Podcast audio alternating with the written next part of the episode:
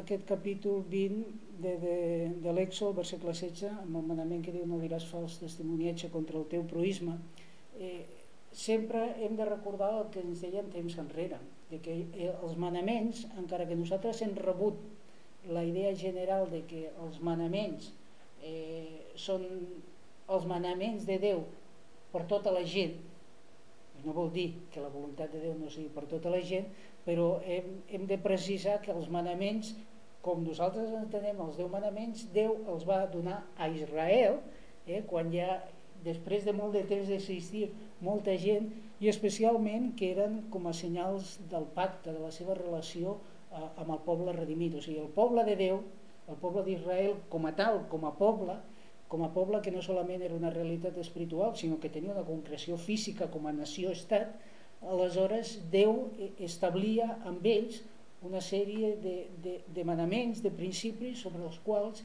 ells havien de, de regir les seves vides. I encara que nosaltres sintetitzem, i Israel també ho feia, i ho feia Déu, la seva voluntat en aquests deu manaments, en aquestes deu paraules, la realitat és que les paraules, els manaments, els estatuts, estatuts, manaments, instruccions, tota una sèrie de sinònims que ha, que Déu va donar a Israel, és, és molt més nombrós. Eh?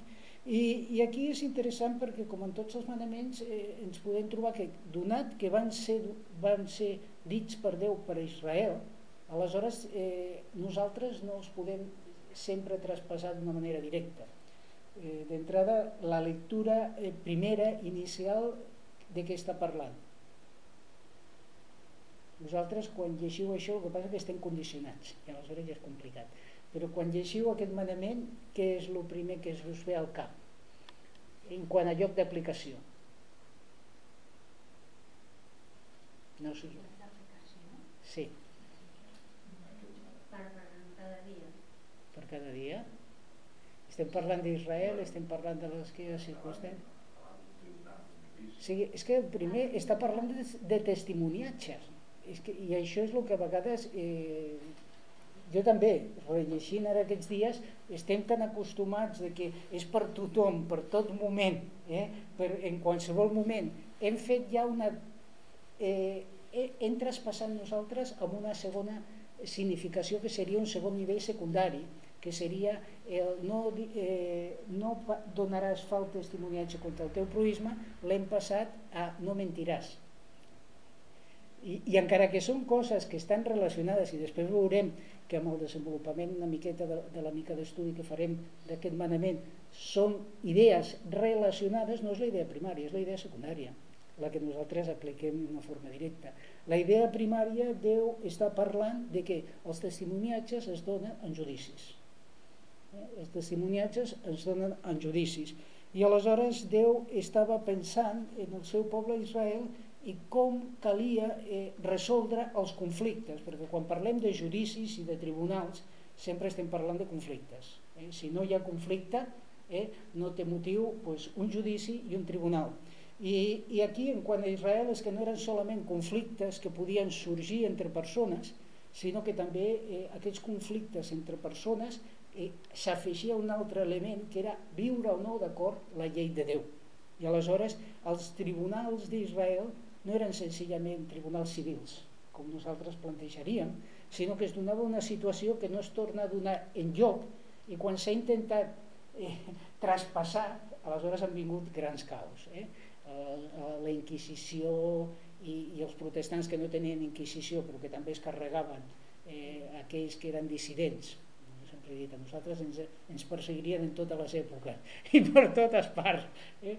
Eh, aleshores, eh, tots aquests, eh, en aquell moment es va donar que el Tribunal d'Israel tractava qüestions civils, però és que fins i tot les qüestions civils tenien implicacions religioses. La qüestió de la propietat era una qüestió civil, però una qüestió religiosa. Era Déu que havia dividit la terra, era Déu que havia dit com se tenien que fer les relacions entre uns als altres. Quan parlàvem eh, a, a dies enrere en quant a no robaràs, era Déu qui havia establert la legislació sobre què era robar, què era no robar i les implicacions de ser robatoris. Eh? O sigui que ens trobem que eh, en lloc de tirar mà al Còdic Civil o al Còdic, eh, com es diu, mercantil, no hi ha codi mercantil, hi ha un altre, en quant a assumptes eh, d'empreses, codi civil, codi penal, hi ha, hi ha qüestió tribunal d'empreses, hi, ha, hi, ha, hi, ha, hi ha també còdics de relacions laborals. En lloc de tirar mà a tota aquesta que és jurisprudència feta per l'home, en Israel d'entrada eh, els jutges tenien que poder tirar mà a la paraula de Déu. Eh, i, I la jurisprudència, quan parlem de tribunals, quan parlem de testimonis, parlem d'una situació eh, bastant diferent al que nosaltres entenem. I, i també eh, en un altre aspecte després veurem eh, una situació i un context força més senzill del que nosaltres avui en dia tenim establert. Eh, nosaltres avui en dia quan es parla de la justícia normalment es parla de la maquinària de la justícia i es diu que és una maquinària que molt lenta, molt farragosa perquè s'ha tingut que estructurar tantes coses i detallar tantes coses que a vegades que no tira eh, quedes espantat a vegades quan, quan dius eh, sí, ara s'acaba de jutjar eh, aquest, aquest fet i alguns fets d'aquests coneguts i després te diuen quants anys fa lo de la presa de tous que em sembla que porta més de 20 i pico d'anys encara no està resolt pels tribunals d'una manera definitiva. Eh, clar, les coses en Israel eren molt més senzilles perquè també la societat no era tan, tan complicada. Eh, I la realitat és que fins i tot en totes les lleis que es fan tenim ja una dita, la dita és clàssica. Eh, feta la llei, feta la trampa. Eh? I, I clar, n'hi ha que ficar noves lleis per intentar eh, minimitzar aquell element de trampa. I clar, encara es fa més farragós, encara es fa més complicat. Eh? Passa com tot en la nostra vida, en la societat que vivim. Eh? els nostres joves tenen que sortir més preparats, no hi ha problema, li afegim una assignatura més, eh, n'hi ha que conèixer llengües bueno, pues, no tens suficient. Ja no suspens suficient amb les que tens que bueno, t'afegeix un altre més però ja, ja està col·locada. Després la gent ja s'aclararà i ja farà via. Eh, aleshores aquí veiem que, que en les coses amb Israel en la societat jueva era, era força eh, més senzill i era també diferent eh, als conceptes que nosaltres hi tenim. Eh, en, encara que nosaltres tenim aquí moltes paraules la realitat és que en hebreu són tres paraules eh? Eh, en quant al manament.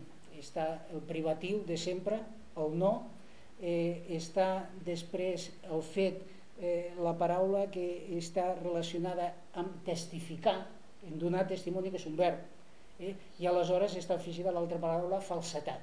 O sigui, que en si, en hebreu, tres paraules, eh? I, en, i en Deuteronomi 5 li afegeixes el baf que és una lletreta, eh? és una I, no hi ha res més, és, és tot el que, el que, allò que aquí se sintetitza i amb el Nou Testament també segueix la línia, potser és encara més simple.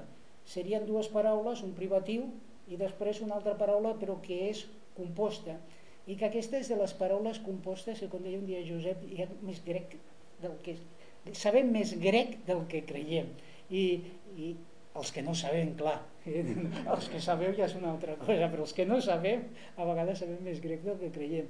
I aquesta és una paraula que comença amb pseudos, eh? és d'aquestes pseudos, eh? pseudos i marturio, que ve de martiri, que d'aquí ens ve, però que martiri ve de testimoni. Eh? Aleshores, eh, eh, és el no, ha aquesta paraula composta, pseudomarturion, que vol dir eh, eh, pues un testimoni que és fals, que, que és mentida, que no és real. Per això ve l'associació. És interessant perquè amb el Nou Testament, aquesta paraula que dèiem, per parlar de fals testimoni, la trobem bàsicament únicament referida al novè manament, no us dono les referències per no complicar la vida, al novè manament i les altres, la, i les altres dues referències estan relacionades amb el, amb el judici o pseudojudici també que li van fer al Senyor Jesucrist eh, quan es parla de que, del fals testimoni que es va donar allí. I és la utilització bàsica eh, d'aquestes paraules. Eh, doncs per fer-nos una idea primera i potser avui ens quedarem en, en, en l'aplicació directa i inicial del significat d'aquesta expressió i la propera setmana o quan toqui, aquí veurem, eh, tractarem l'altra part. és el que us deia que la, la justícia a Israel era molt més senzilla de la que tenim ara. Eh, el que passa que nosaltres normalment, salvo que feu la lectura de la Bíblia anual o anual que se'ns allarga dos o tres anys, eh, salvo que sigui així, hi ha llibres de l'escriptura que llegim poc, perquè no són llibres fàcils de llegir de tirada. Eh, tens que parar-te per anar, per anar eh, traient-li profit, si no se't fa pesat. I el llibre de Deuteronomi, que per mi és un llibre molt interessant, el capítol 19, Deuteronomi 19,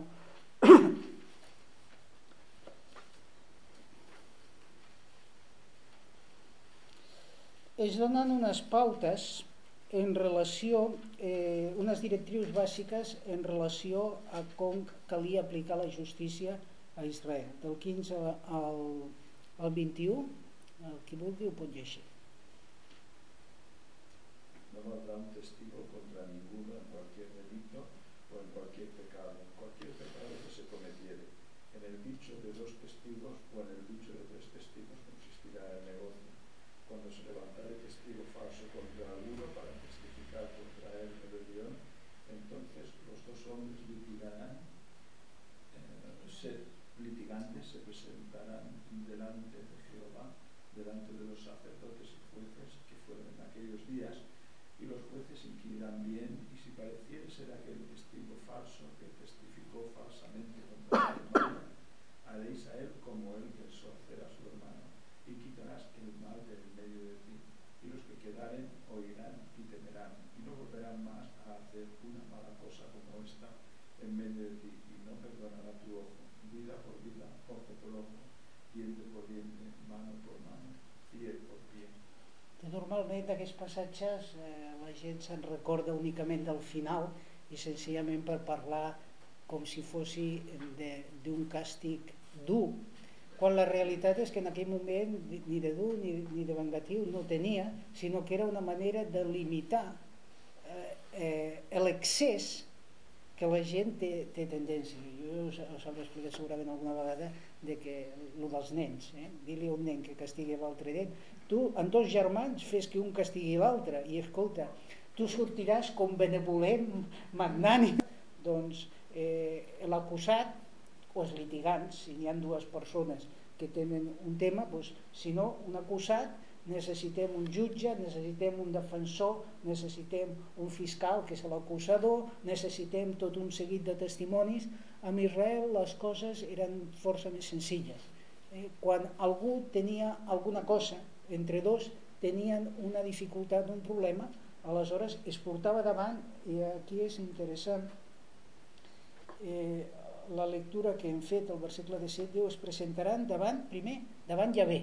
O sigui, la idea és que quan hi havia un litigi, una confrontació, quan hi havia que tractar alguna persona que havia obrat indignament amb iniquitat o amb pecat, que està dient una forma de conducta que no és recta o, o un, un agravi directament a Déu, en primer lloc, entre els jueus s'havien de presentar de?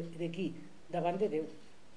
I presentant-se davant de Déu, aleshores està parlant aquí davant dels sacerdots i els jutges que hi haurà en aquells dies.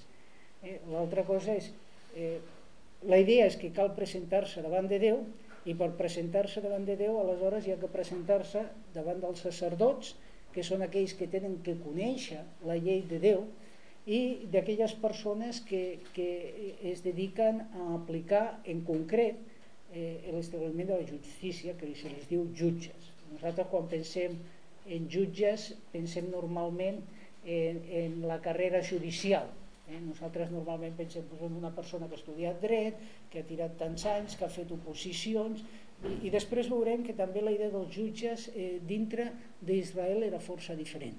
Eh? La idea dels jutges després veurem que està associada bàsicament sí, havien persones que podien tenir aquesta funció, però també era, era una funció que duien a terme a les ciutats els ancians, els homes grans de la ciutat perquè se suposava que pels anys eren els que tenien més coneixement de la paraula de Déu i tenien més experiència de la vida i aleshores eren aquells que estaven capacitats Eh? Per això que hi ha una expressió molt interessant que trobareu moltes vegades en l'escriptura que parla eh, a les portes de la ciutat. I es feia això a les portes de la ciutat. Les portes de la ciutat que no tenien eh, un edifici dedicat a tribunal. Era a les portes de la ciutat on es tractaven totes les coses. I després veurem un passatge que és força interessant. I aquí ens presenta que, bueno, que els judicis es feien davant de la presència de Déu eh, els representants de Déu en aquesta manera havien de ser els sacerdots i els jutges eh, d'aquell lloc i, i, i l'altra qüestió que era no havia ni, ni defensors ni acusadors totes les coses es tractaven en base a, què? a testimonis per això eh, trobarem que en l'escriptura la referència constant als, als testimonis i el testimoniatge que donen aquestes persones és tan important com es resoldrà tot? Tot es resoldrà a base no d'un entra, entramat jurídic, eh, de, de buscar-te una persona, després ja més tard, sí, quan és Pau, recordeu que quan agafen presoner a Pau i tenen que presentar-se davant del governador. Però això és producte del nostre concepte eh, de, de tractament de la justícia. En Israel la cosa no anava per aquí. La cosa senzillament és que davant de qualsevol fet hi havia que poder-lo demostrar eh? i havia que poder-lo demostrar. I quan està parlant de testimonis a l'escriptura està dient, eh, la paraula eh, és clara, és aquella persona que ha vist o escoltat un fet, aquella persona que ha estat present, no aquell que ha sentit dir. Un que ha sentit dir no és testimoni. Els, els testimonis són, són directes, són persones que poden observar els fets i aleshores, com han observat els fets, aleshores poden explicar la referència podia ser il·lustrativa als apòstols, perquè eren testimonis de la resurrecció, perquè havien vist a Crist en vida, l'havien vist mort i l'havien vist ressuscitat. Eh? I havien vist, havien parlat amb ells, havien menjat amb ell. Un d'ells fins i tot havia posat les mans a les ferides. Aleshores, aquell era un testimoni. I aquí s'està dient també que hi havia un principi en Israel que aleshores els testimonis sempre havien de ser plurals mai per al testimoni singular, un que diguessi qualsevol cosa en contra d'un altre, això ja no es prenia ni a consideració. Eh? Aleshores, això ja no es prenia ni a consideració. Això no hi havia que escoltar-lo, això no li havia que fer cas. Per què? Perquè els testimonis tenien que poder-se contrastar. I els testimonis contrastats es tenien que poder harmonitzar. Quan hi havia més d'un testimoni, eh, un explica una cosa, un altre explica una altra cosa, i si la cosa que ha explicat aquest i aquest altre no lliguen, no hi ha va ser. No hi ha va ser per l'acusació. Eh, per aquí va la idea de la multiplicitat de, de testimonis, no senzillament un fet de, de, de sumar persones. I després també hem llegit en aquest passatge que havia que eh, informar-se eh, veritablement, els jutges tenien la responsabilitat, versícle 18, els jutges informaran acuradament i heus aquí si el testimoni és un fals testimoni. O sigui, i eren els jutges els que tenien l'obligació d'anar esbrinant les coses perquè el seu objectiu primer era veure si els testimonis eren certs o eren falsos. Que aquestes preguntes de l'acusació. El jutge no tenia part. L'abogat, el fiscal i el defensor tenen part. Un únicament està per acusar i l'altre està únicament per defensar. El jutge amb Israel tenia com a objectiu primer sapiguer si aquella persona del que està dient és cert o no és cert i esbrinar de qualsevol cosa primerament si era cert. I una vegada confirmava si era cert el que deia cada una de les persones, si concordava. Si, després que concordava, en, això quina relació tenia la paraula de Déu, en la llei de Déu. I, i en conseqüència d'això aplicava sentència. I després també eh, és interessant, quan hem estat llegint aquí, si us heu donat compte, eh, el versegle 19 diu, eh, el 18 deia eh, que ha si, si es comprova que ha testificat falsament contra el seu germà, diu el 19, fareu amb ell tal com ell proposava de fer amb el seu germà. I les acus se li aplicava pena al que havia fet l'acusació. I la pena era d'acord amb l'acusació que ell feia. O sigui, que clar, nosaltres a vegades quan llegim dos o tres testimonis, bueno, això és fals, fàcil, dos o tres se ho arreglen i aleshores ho presenten i ja està. Però la cosa no era tan senzilla. Eh? Veiem que des del principi el Senyor diu, eh, cuidado, perquè tot té conseqüències. I amb Israel aquest element era greu. Per això que persones estiguessin disposades a donar fals testimoni, eh, recordant el Senyor Jesús, que potser després agafarem aquell passatge, eh, recordeu en quant a la resurrecció del Senyor Jesús, en quant als soldats romans que estaven eh, vigilant, eh, són els sacerdots que li diuen, escolta, dieu que l'han robat. I clar, els altres diuen, eh, tranquil, que després si es descobreix que nosaltres hem mentit, sense, i, i aquests eren romans, no eren jueus, eh? Eh, se'ns aplicarà a nosaltres probablement la pena de mort. I aleshores els van assegurar, no, no, no us preocupeu perquè si passa qualsevol cosa nosaltres donem la cara per vosaltres.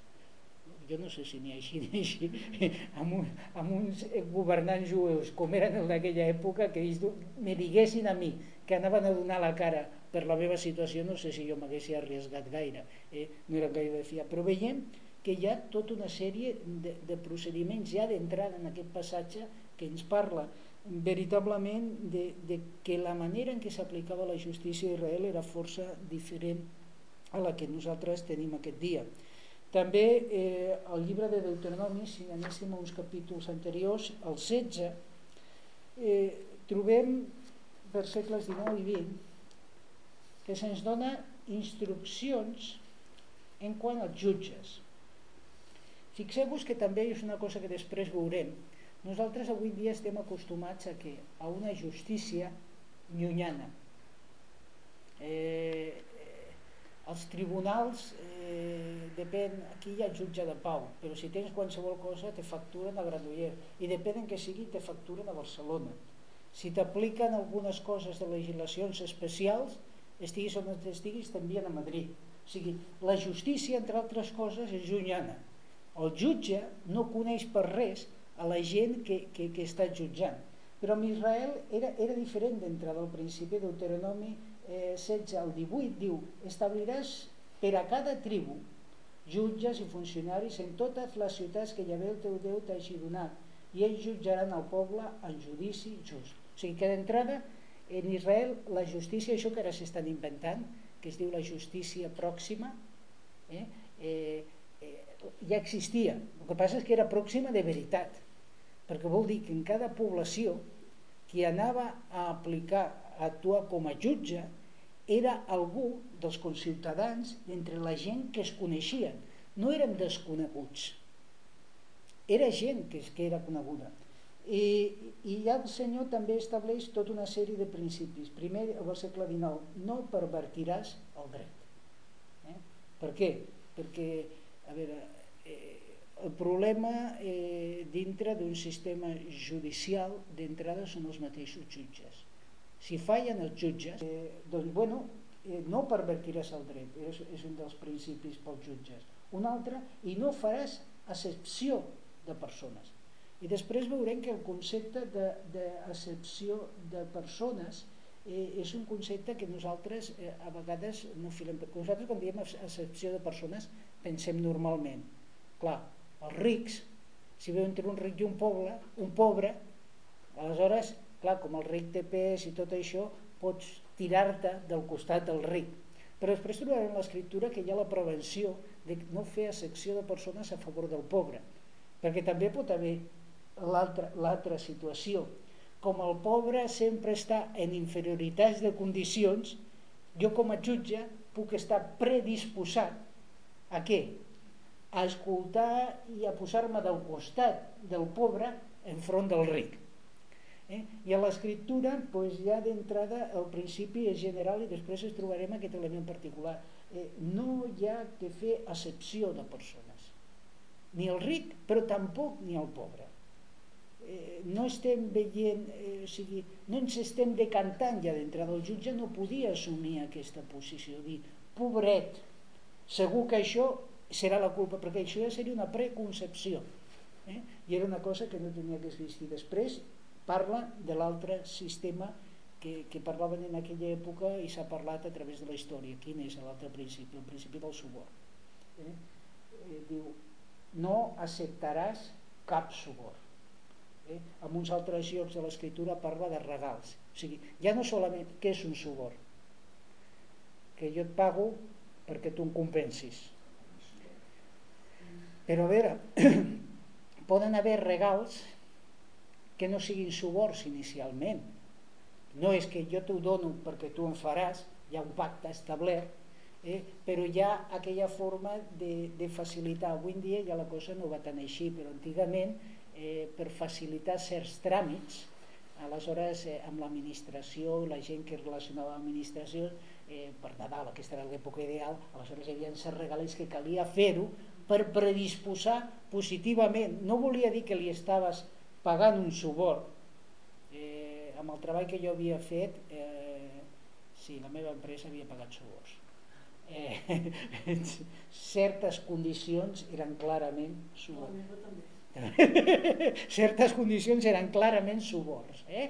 Eh, però unes altres no arriben al subor, no és això de que jo te dono aquests diners i tu en contraprestació m'encarregues aquesta feina, eh, sinó que no, això que quan es van barallar al Parlament l'altra vegada del 3% famós, que si s'havien quedat en les obres públiques, això és subor.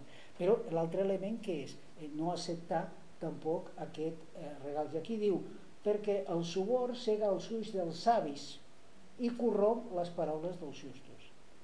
Diu, perquè fins i tot la persona més intel·ligent, més savi, més entesa, en el moment que és comprada, els seus ulls ja no veuen res per més savi que sigui.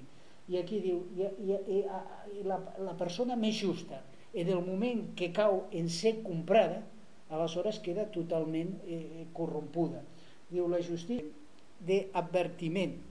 Eh, i, I també és interessant, i m'he perdut, he perdut el versicle tenia un versicle en el qual eh, també eh, parlava eh, del principi de, de la responsabilitat dels testimonis amb els seus actes. Eh, jo us ho, us ho buscaré, però eh, i aquest està relacionat a les paraules que va dir el Senyor Jesús eh, a, a la dona aquella adúltera, eh, el que va, va dir primer, el que estigui lliure de pecat que tiri la primera pedra però és que quan calia aplicar una sentència, especialment aquestes sentències de mort i de lapidació, els que tenien que tirar les primeres pedres eren els testimonis. o sigui, o sigui, hi havia tot, tota una sèrie d'elements que no era senzillament que tu parlessis i clar, després ja ho executarà un altre i clar, al cap i a la fi jo no, jo no el matat, seria en aquest cas. No, no, és que les teves paraules, eh, si no eren certes, eh, després t'obligarien, si aconseguies eh, enganyar els jutges, eh, t'obligarien després a portar a un mal encara més gran, que seria a assassinar una persona. Per què? Perquè els testimonis tenien que ser els primers en tirar la pedra. Eh? O sigui, tots són aquests elements que veiem que Déu ho, ho posa aquí establert perquè sap que són fàcils de boca i, i que l'única manera de, de limitar les nostres boques, el que surten dels nostres llavis, és veient greus conseqüències. Eh? Que en el moment que això es poguessi sapiguer, eh, tenies conseqüències. Eh? Si se sabia que tu eres un fals testimoni, t'aplicaven la pena. Però és que si encara que tu poguessis enganyar, eh, aleshores tu, tu quedaves involucrat en l'aplicació de la sentència. I clar, jo suposo que hi ha de les coses que, que, que un pot martiritzar-la totalment a la vida que dius, eh, la mentida ja és una cosa que et pot menjar per dintre però si a conseqüència de la teva mentida tu mateix has tingut que actuar en aplicar o sigui, aquests testimonis que testifiquen en contra de l'amor d'algú eh, fossin els primers que anessin a, a, a tirar m'entens d'allò de, de, la, de, de donar l'electricitat per matar aquí probablement moltes coses moltes coses ja d'arrel ja, ja es tallarien. Eh? eh? Mai la justícia de l'home és correcta, per més que Déu va donar prevencions en la seva paraula, tot i això Israel es va pervertir d'una forma absoluta, però Déu ja posava suficients eh, advertiments. I un exemple d'això, el, el podrien trobar en un llibre que coneixem bé, el llibre de Ruth. El llibre de Ruth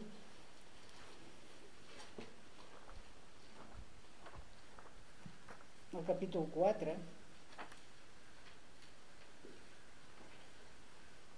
nosaltres coneixem bé la història i enmig de la història eh, de, de Ruth i Boof i el capítol 4 eh, ens fa una descripció eh, interessant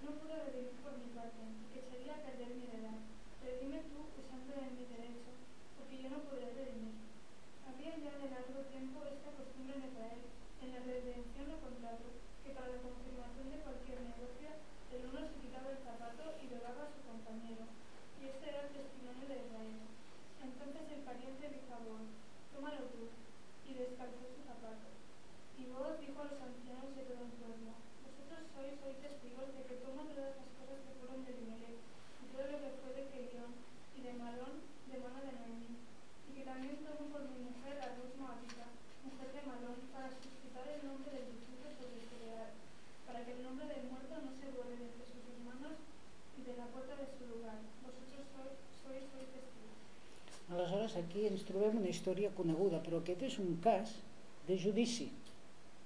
Eh? Eh, què es troben? Bueno, D'entrada trobem el lloc que deia, a la porta de la ciutat. O sigui, eh, Boaz va a la porta de la ciutat.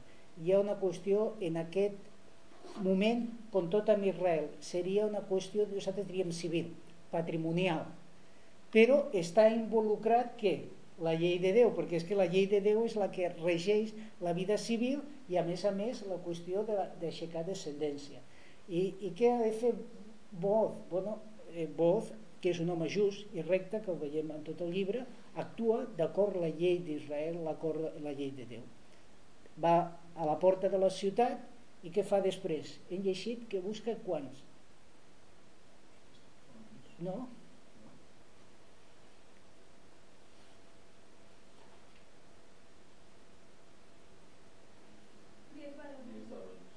Diez varones, sí, deu vells. Sí, busca deu persones grans i la idea aquí no solament era que eren grans en edat, sinó que era perquè l'edat, l'antiguitat era respectada, o sigui, deu homes respectables enmig de la comunitat que podien actuar com a jutges davant d'aquell fet. En aquest cas, què és? Eh, jutges perquè, perquè puguin ratificar que el que s'ha fet ha estat d'acord la llei de, de Déu i en aquest cas també actuen com a testimonis eh? com aquells que en un moment determinat aquells que han actuat com a jutges podran actuar per, com a testimonis per dir això ha estat cert o sigui, aquí no veiem que hi hagi cap registre tot es resol de paraula però al ser públic i veiem que tot es tracta que a nivell local no se'n va a la capital de la província, de la regió per tractar les coses, perquè les coses han de ser properes eh? han de ser properes i aquí veiem que fins al moment en què l'altre que li correspon no renuncia aleshores Boz no pot, no pot assumir perquè la llei no li permet però una vegada això ja succeeix queda clar ja més també ella preveix cap al futur per què? perquè això després ho podran testificar en boca de que de més de dos o tres testimonis. Eh? Estan presents deu testimonis eh, oficials que són aquells que estan actuant eh, com a jutges. Això ens dona una idea eh, de la situació de com s'aplicava a la justícia amb Israel. Després, eh,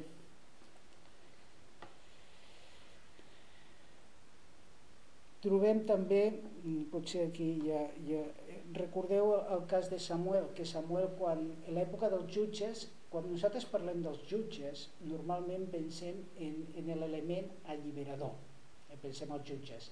Déu que Déu va aixecar homes en moments determinats de la història d'Israel, eh, quan, aquí, quan Israel es va donar compte del seu pecat, aleshores hi clamava a Déu, Déu aixecava a homes que els alliberessin. Però penseu que aquest no és el significat comú. Se li diuen jutges, o sigui, eren jutges que tenien una funció més enllà d'aquí i que Déu s'utilitzava com, com element alliberador. Per què? Perquè com a jutges tenien que ser gent recta, gent que discernissi entre el correcte i incorrecte. I en quant a Samuel se'ns explica que feia un circuit, ho recordeu? Si no busco el passatge, eh? que feia un circuit, que ell estava en ramà i que anava... Què vol dir?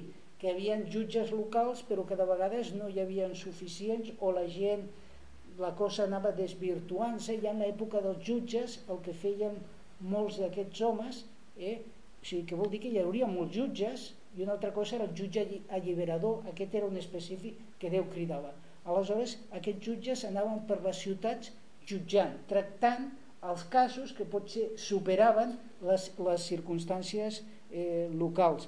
I fins i tot, amb el primer llibre de Samuel, capítol 14, se'ns se descriu també que fins i tot el rei d'Israel actuava com a jutge. Eh, aquest és un fet eh, interessant. Eh, el capítol 14 de Primera de Samuel,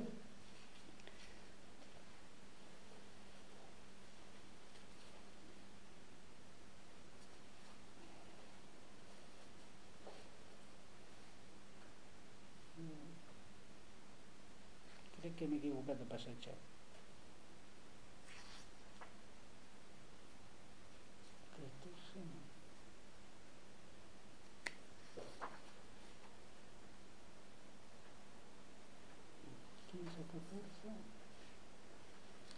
perquè això ja tindria que ser l'època de David, David seria el segon, igual és segon Samuel. Sí, me sembla que segona Samuel. Sí, segona de Samuel, no primera de Samuel. Cronològicament.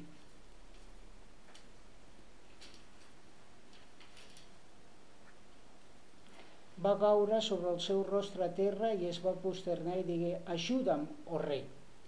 I aquí veiem que aquesta dona era una dona, o sigui, no, no era eh, un, un magnat, no era, no era un general, no era part de la noblesa, eh? o sigui, que, que vol dir que també que fins i tot una dona qualsevol, i recordeu també un altre passatge, eh? aquell passatge de Salomó, recordeu, de fins i tot dues prostitutes, entre dues dones, eh, Salomó ha d'actuar com a què?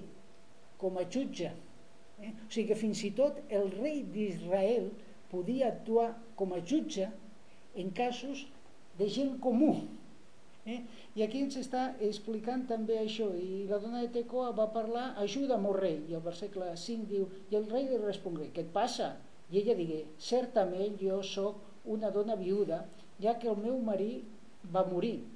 I la teva serventa tenia dos fills i es van barallar tots dos al camp i com que no hi havia ningú que els separés, l'un va donar un cop a l'altre i el va matar.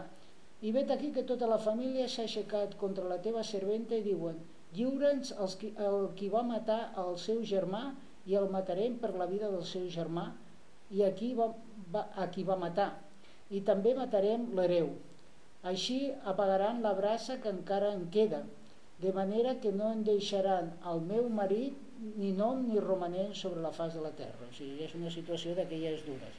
El marit se li ha mort, té dos fills, els fills es barallen, un fill barallant-se mata l'altre, ara els altres venen i, i exigeixen que la venjança de la sang, eh, que, que estava permès en, en la llei de Déu. I, i la dona, l'última opció que li queda és anar al rei com a jutge que pugui resoldre aquest cas. Diu, I el rei digué a la dona, versícle 8, Vés-te'n a casa i jo donaré ordres pel que fa al teu cas. I la dona de Tecoa digué al rei, Senyor meu, oh rei, la iniquitat sigui sobre meu i sobre la casa del meu pare, ja que el rei i el seu tron són innocents. I el rei digué, si algú t'amenaça, porta'm i, no, i ja no et molestarà més. I ella digué, et prego, rei, que et recordis de Llavé el teu Déu a fi que el venjador de la sang no m'augmenti més la desgràcia i no destrueixi el meu fill. I ell digué, viu Llavé que no caurà a terra ni un sol cabell del teu fill. O sigui, veiem que està actuant dintre d'un cas de litigi, eh, fins i tot el mateix eh, rei d'Israel. I, I a partir d'aquí eh, ja tenim una idea, eh, tenim una idea del que era aplicar la justícia a Israel, tenim una idea de, de, de, de la primera significació de, de l'afirmació del manament, eh, de, de, no, de no donar fals testimoni contra el, el, el proisme, eh, eh, que, era, que era un advertiment important, perquè el, el donar testimoni era, era la manera en què calia resoldre tots els assumptes eh, de la vida material comú i tant de, de la vida espiritual.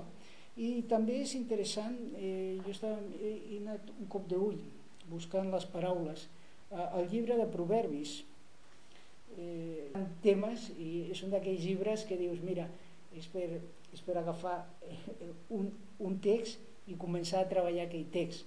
Eh, i entre molts eh, aquests proverbis, o sigui, aquestes dites sàvies, i vam dir quan vam estudiar fa molts anys proverbis que aquell concepte de saviesa jueu que o sigui, eren dites sàvies per viure correctament eh, per exemple eh, he seleccionat uns quants al capítol 6 de proverbis versícle 14 en relació en quant al, al testimoni.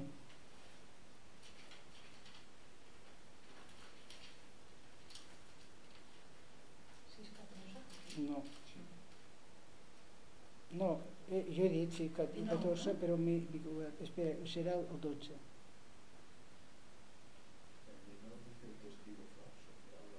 Exacte, sí.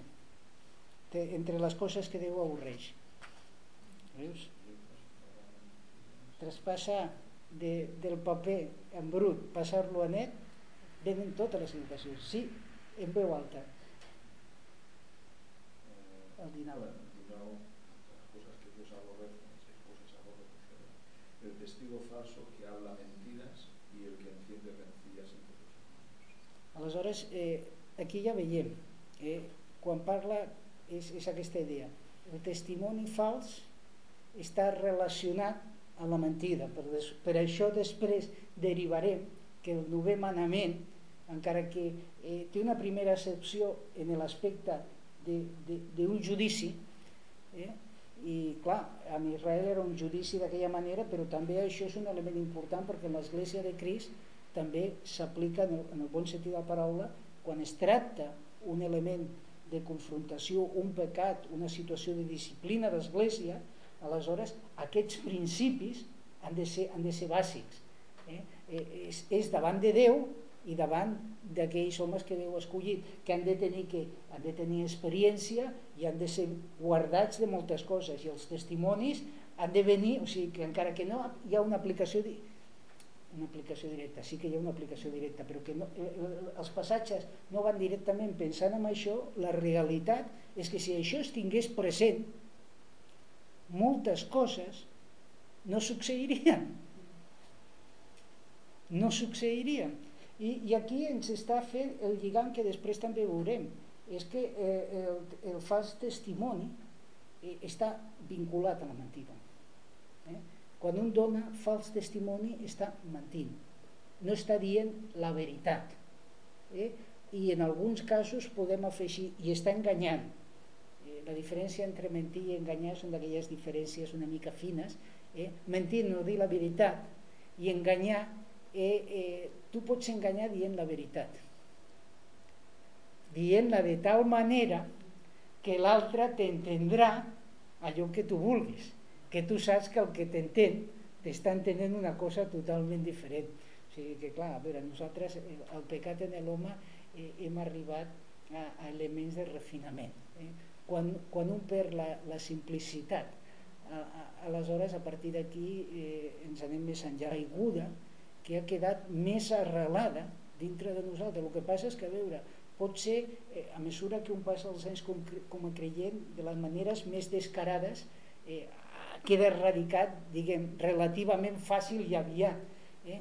Però, però aquelles maneres que no són tan descarades, que, que hem rebut ja de, de, de, del nostre context i que moltes vegades ens semblen tan naturals, aleshores hi ha moments que, que aquesta part eh, és la que cal treballar més en, en profunditat.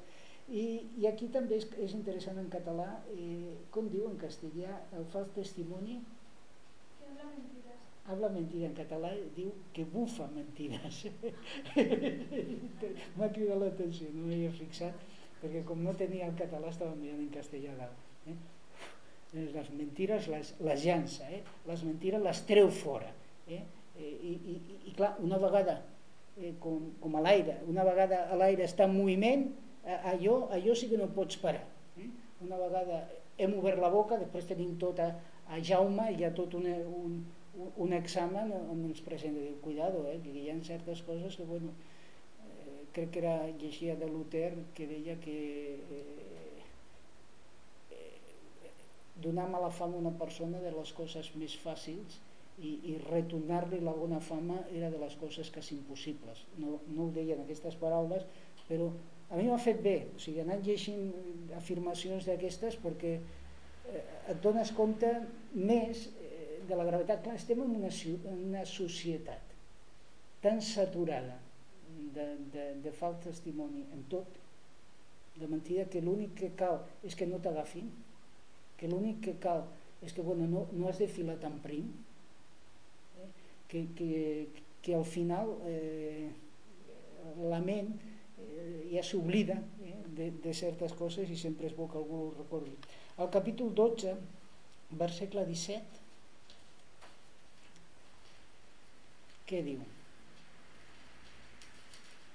la verdad declara justicia, mas el testigo mentiroso engaña. Aleshores, eh, està, està al principi. Eh? Eh, què és el, testimoni, el, eh, el fals testimoniatge? És tot el contrari a què? A, a, a, la, a, la, a la justícia. Eh? I, I aquí te diu, i el fals testimoniatge no solament eh, menteix, sinó que a més a més enganya. Eh? L'altra idea que, que, que estàvem mencionant abans. I 19.5 és una idea molt semblant, que no la mirarem, i el 25.18 és l'últim que, que referencio. Aquest és interessant perquè utilitza tota una, eh, una sèrie de figures per descriure eh, el que implica eh, el fals testimoni. Què diu?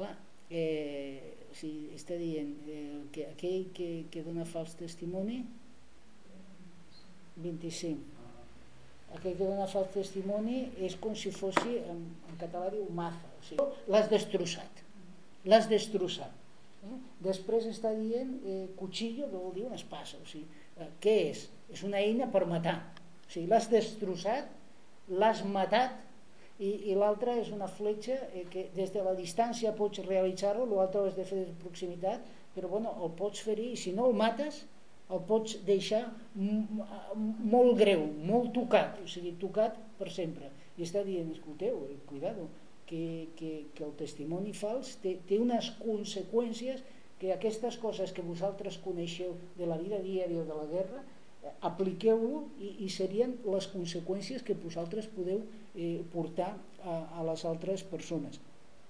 I a partir d'aquí eh, solament mirarem Marc 14, 56.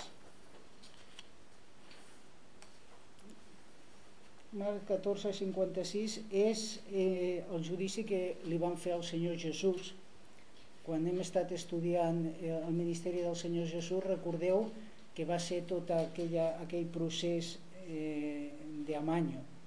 Eh? I, I aquí enmig del judici, versecles 56 al 59 del capítol 14, diu eh, perquè molts deien fals testimoni contra ell però els testimoniatges no concordaven. Eh? I aquesta era la primera cosa. Eh, que deien? Que no solament tenien que ser diversos testimonis, sinó que eh, tenien que concordar. El fet de que fossin diversos és perquè lliguessin. Eh? I havia vingut, això vol dir que encara que els havien subornat, havia vingut un, havia dit les coses d'una manera i l'altre no l'havia dit exactament igual. És com quan a vegades te fan una pel·lícula aquestes de judicis i diu sí, però és que escolta, eh, tot com, com, com encaixa aquest i l'altre, l'horari no encaixa, eh? Eh, les circumstàncies no són les mateixes. Aleshores aquí ells ja se van muntar diversos testimonis perquè eren, eren necessaris, però és que ni, ni això van fer, saber, van fer bé eh? I, i aleshores no encaixaven. Uh, el segon que diu eh, nosaltres, i, i alguns es van aixecar per dir fals testimoni contra ell. Estan parlant, eh, és la pseudomartúriums. Eh? O sigui, doncs, ja van haver alguns que es van aixecar perquè per poder testificar contra Crist i aquí està dient eh, l'evangelista i això era una transgressió del novè manament perquè no eren coses que ells havien escoltat, que ells havien vist, que, de lo qual ells podien parlar. I ara ho veurem per què diu que eren fals testimoni. Diu, nosaltres, 58, van sentir que deia. O sigui, estan dient que ells van escoltar. O sigui, que ells van estar presents. I que les paraules literals que Jesús va dir va ser jo destruiré aquest santuari fet amb les mans i en tres dies n'edificaré un altre no fet amb les mans. Però, a veure, quan estem mirant el que el Senyor Jesús va dir, és que el Senyor Jesús no va dir això exactament. Fixeu, què vol dir? No és una mentida de que el Senyor Jesús d'això que dius no ha dit res. Sí ha dit, però eh, vosaltres esteu canviant l'èmfasis de les seves paraules de manera... Ara, un minut. Si per la seva paraula van ser fets els cels i la terra, que, que necessitat, o sigui, per ressuscitar un home no necessitava eh, pensar-se ni un procés ni coses rares. I encara que ho hagués dit, això és un delicte. Què? Encara que ho hagués dit, això seria un delicte. Com un delicte?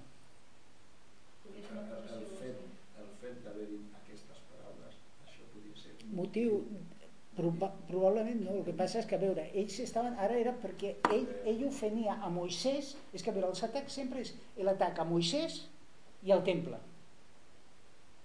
Eh, I els jueus ja havien arribat amb els fariseus allò, recordeu, de que si un feia un jurament eh, per l'altar eh, no era res, però si ho feia per la víctima de l'altar, sí. La, la llei, la. O sigui, eh, donaven més importància a, a, a la víctima que a l'altar, que era el que Déu havia establert. Doncs ell estava en aquesta mentalitat. La idea era, com el podem agafar? Pues que hagi parlat contra el temple.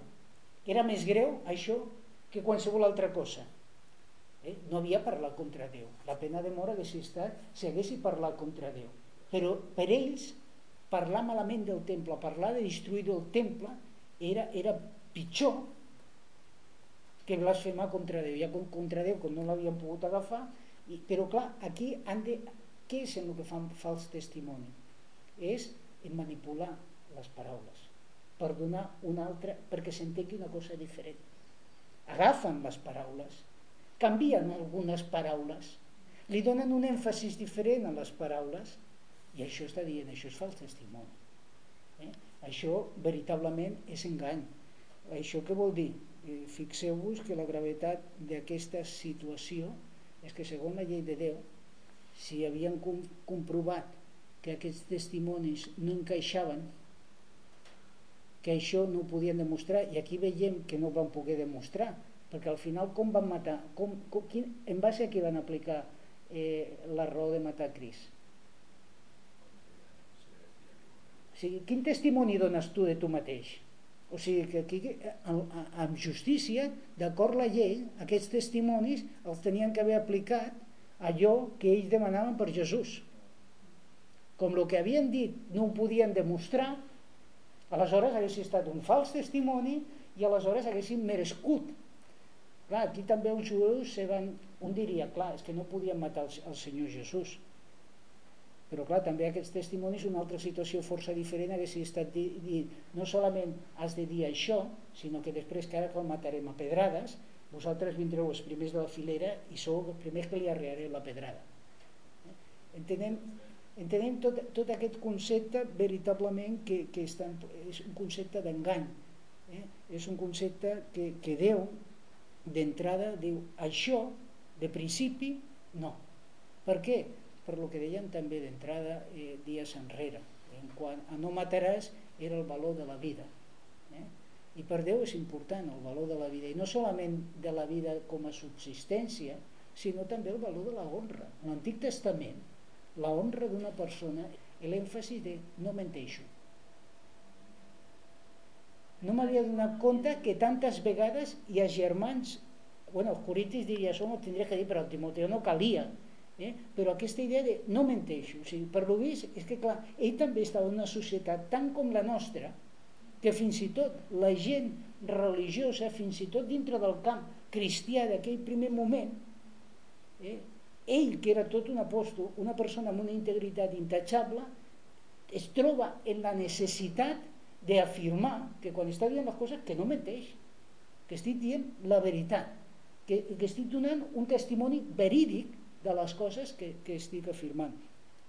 I, i a part de que, de que el manament ja prohibeix tot això i veiem la gravetat que, que comporta la persona per la qual cadascú ha de tenir molta cura d'ell mateix, us sortiré la pregunta diu però no, no, dir, no donaràs fals testimoniatge contra el teu proisme? I, i és curiós perquè jo he mirat el diccionari de, de l'Institut d'Estudis Catalans i diu solament per, per donar la definició de proisme els semblants, els nostres semblants. O sigui que és genèric. Que abasta a tots. O sigui no és el concepte de proisme al, al pròximo al que tinc al costat. A través de la història s'han fet moltes manipulacions d'això. Un llibre que estava llegint de, de que els holandesos quan van arribar els alemanys a la segona guerra mundial doncs els, alguns cristians deien que clar, com ells no eren el seu proisme aleshores a ells sí que els podien mentir donar eh, però sí, no, no, que són capaços de fer cada... però que és curiós perquè el, el no donaràs fals testimoni contra el teu proisme està dient contra ningú. No està dient únicament contra, jueu, eh, contra cap jueu contra cap cristià això d'entrada. Això d'entrada. S'ha de suposar. Però contra cap cristià, nosaltres diríem en versió no testamentària, ni contra cap persona. I clar, per nosaltres avui és una cosa que diu la Bíblia, senzilla, simple, no té més història, però veritablement jo crec que la societat en què estem avui en dia, i enmig de, de tot l'aparell judicial que tenim tan elaborat resulta que hem estat incapaços, eh, per mi, de superar aquests, aquests principis tan simples que Déu havia establert per, per al seu poble d'Israel. Simples vull dir en quant a senzillesa, eh? Eh, veritablement molt complicats en quant al seu nivell eh, d'aplicació.